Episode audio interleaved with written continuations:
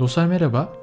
Kayıtlara geçmesi adına bugün 16 Ocak 2022 günlerden pazar ve an itibariyle bu ses kaydını aldığım e, saat gece 23.19 ancak bu saate e, bu işime vakit ayırabildim bu saatte vakit ayırabildim. E, başlıkta da göreceğiniz üzere bu podcast kaydında Cahit Erf Hoca'dan bahsedeceğiz. Onun e, düşünen makineler ile ilgili görüşlerine, yapay zeka ile ilgili görüşlerine yer vereceğiz. Umarım faydalı bir içerik olur.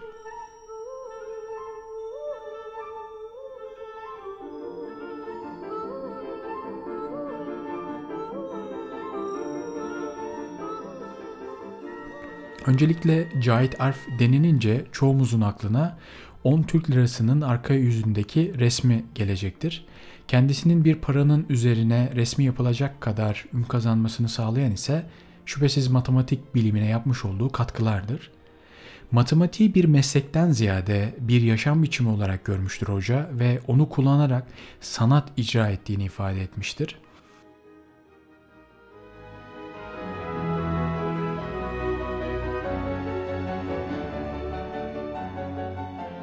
E, hocanın hayat hikayesine bakacak olursak 1910 yılında Selanik'te dünyaya geliyor.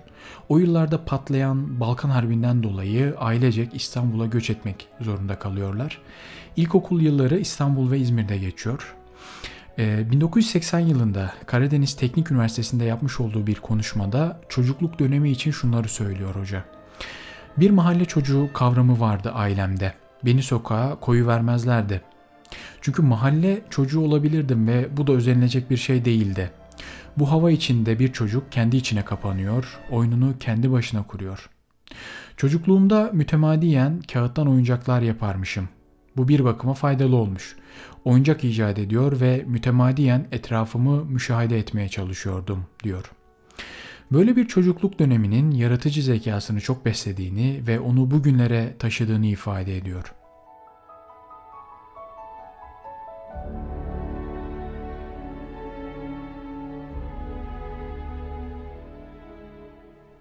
Yine bir konuşmasında şunları kaydediyor.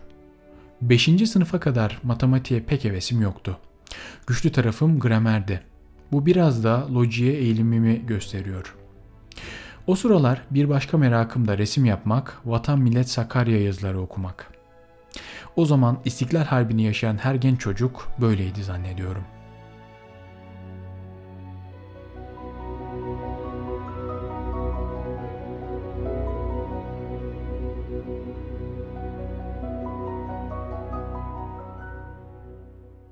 Beşinci sınıf hayatının dönüm noktası oluyor hocanın. O dönem okullarında ücretli öğretmenlik yapan matematik öğretmeni onun mantıksal çıkarımlarını çok beğeniyor. Onunla özel olarak ilgileniyor. Bu sayede matematiğe ve bilhassa geometri ile olan ilgisi başlıyor Cahit Erfin. Sonrasında yurt dışında okuyacak öğrenciler için yapılan sınava giriyor ve bu sınavı kazanıyor. Yüksek öğrenimini Fransa'da tamamlıyor. 1932 yılında yurda dönüyor. Galatasaray Lisesi ve İstanbul Üniversitesi'nde hocalık yapıyor. 1937 yılında doktorasını yapmak için tekrar yurt dışına Almanya'ya gidiyor. Doktora çalışmaları sonucunda kendi soy ismini taşıyan ARF teoremini matematiğe kazandırıyor. Ki bu formülü 10 Türk Lirası üzerinde görmek de mümkün.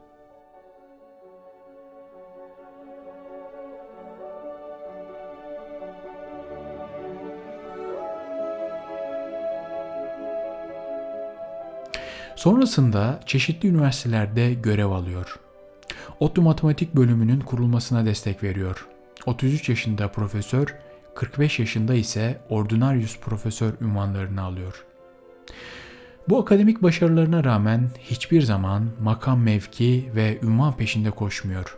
Mütevazi ve sade bir hayat yaşıyor. Tıpkı Nobel ödüllü bilim insanımız Aziz Sancar gibi. Aziz Sancar Hoca'ya bir röportajında Nobel ödülünü aldıktan sonra hayatınızda ne değişti diye sorarlar. Hoca şöyle cevap verir. Değişen bir şey olmadı. Ödülü alıp evime döndüm. Eşimin atmam için verdiği çöpleri evimizin dışındaki çöp kovasına atmaya devam ettim diye cevap veriyor gülümseyerek.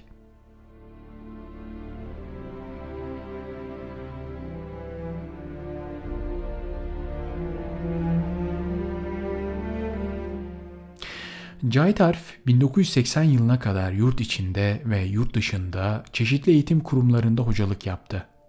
TÜBİTAK'ın kurulmasında etkin rol aldı. Gelelim Cahit Arf Hoca'nın yapay zeka ile ilgili düşüncelerine, söylemlerine ki bu podcast e, kaydımızın da asıl konusuna. 1958-59 öğretim yılında Atatürk Üniversitesi Halk Konferansları adında etkinlikler düzenlemeye karar verir ve bu etkinliğe de Cahit Arf Hoca'yı davet ederler. Hoca büyük bir mutlulukla daveti kabul eder ve Erzurum'a gider.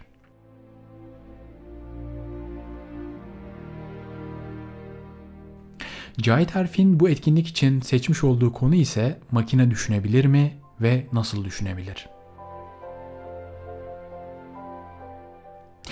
Doktor Emir Öngüner'in arşivinden dijital formata dönüştürülerek yayınlanan böyle bir seminerin varlığından çok yakın bir zamanda doktora test çalışmalarım sırasında haberdar oldum. Açıkçası hem utandım hem de şaşırdım ve mutlu oldum.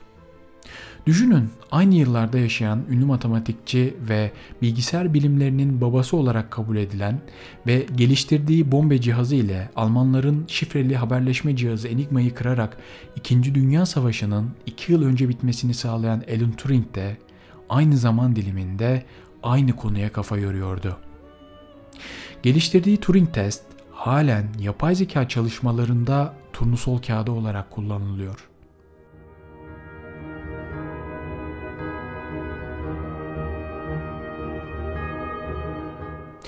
Günümüzün aksine iletişim mecralarının kısıtlı olduğu o dönemde İngiltere'de ve Erzurum'da aynı konu üzerinde kafa yoran iki bilim insanından bahsediyoruz. Bu tevafuk olsa olsa zamanın ruhu olabilir.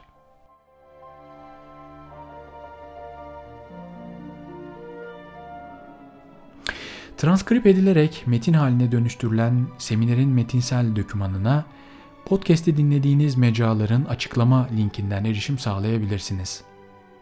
Cahit Arf Hoca böylesine karışık bir konuyu sade bir dille ve gayet anlaşılır bir halde anlatıyor. Bilgisayarların çalışma mantığına ve elektrik akımları üzerinden çok basit bir şekilde ikili sisteme değiniyor. O dönem piyasaya yeni çıkan, elektrikle çalışan ve elektronik veri işleme kapasitesine sahip ilk bilgisayarlardan olan Amerikalıların geliştirdiği ENIAC'tan bahsediyor ve ekliyor.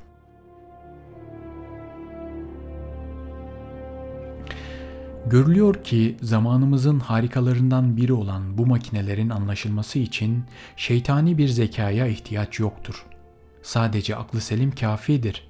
Fakat yine konuşmanın başında belirttiğim gibi her işte olduğu gibi burada da makineyi teferruatı ile birlikte tasarlamak ve yapmak için bitmez tükenmez sabır ve sebat ve bol bol ter dökebilmek lazımdır. Ne mutlu o ter dökebilme saadetine erişenlere diyor hoca.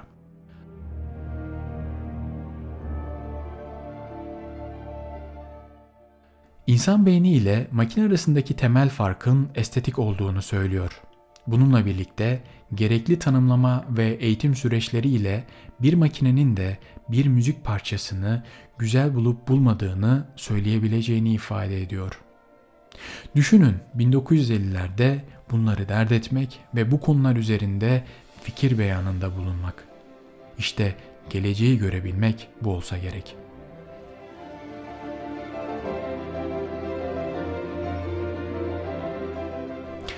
Ömrü hayatı boyunca her gün düzenli olarak çalışan ve insanlara faydalı olmayı kendine düstur edinen Cahit Arf Hoca, 26 Aralık 1997 yılında aramızdan ayrıldı.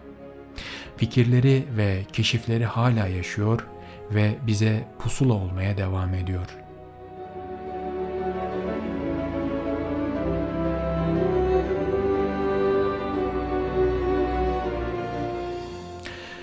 Podcast kaydıma Cahit Arf Hoca'nın bir anısı ile son vermek istiyorum. 1932'de matematik eğitimimin okul devresini bitirerek yurda döndüğümde o zamanki Milli Eğitim Bakanlığı'nda bulunan yaşlı bir dostumla ne yapacağımı konuşurken kendisine gençliğin saf dil idealizmi ile bir Anadolu kasabasında matematik öğretmenliği yapmak istediğimi ve orada öğrencilerimle matematik hocalığı yaparak ilgilenmek istediğimi, onlara mesela Marx ve Nietzsche'yi okuyacağımı, elimden geldiği ölçüde münakaşa edeceğimi söyledim.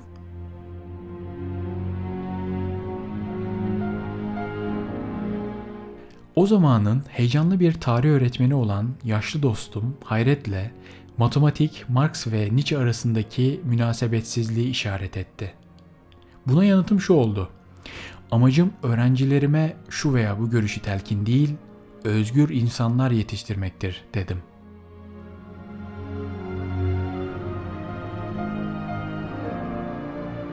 O zaman kastettiğim özgürlük, bugün mutluluğumuz için bir bakıma en çok gerekli olduğu kanısında olduğum ön yargılardan kurtulmaydı.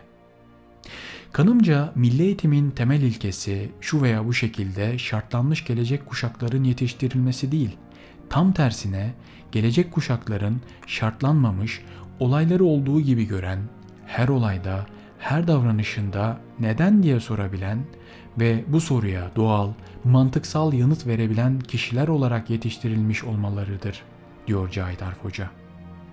Ruhu şad olsun.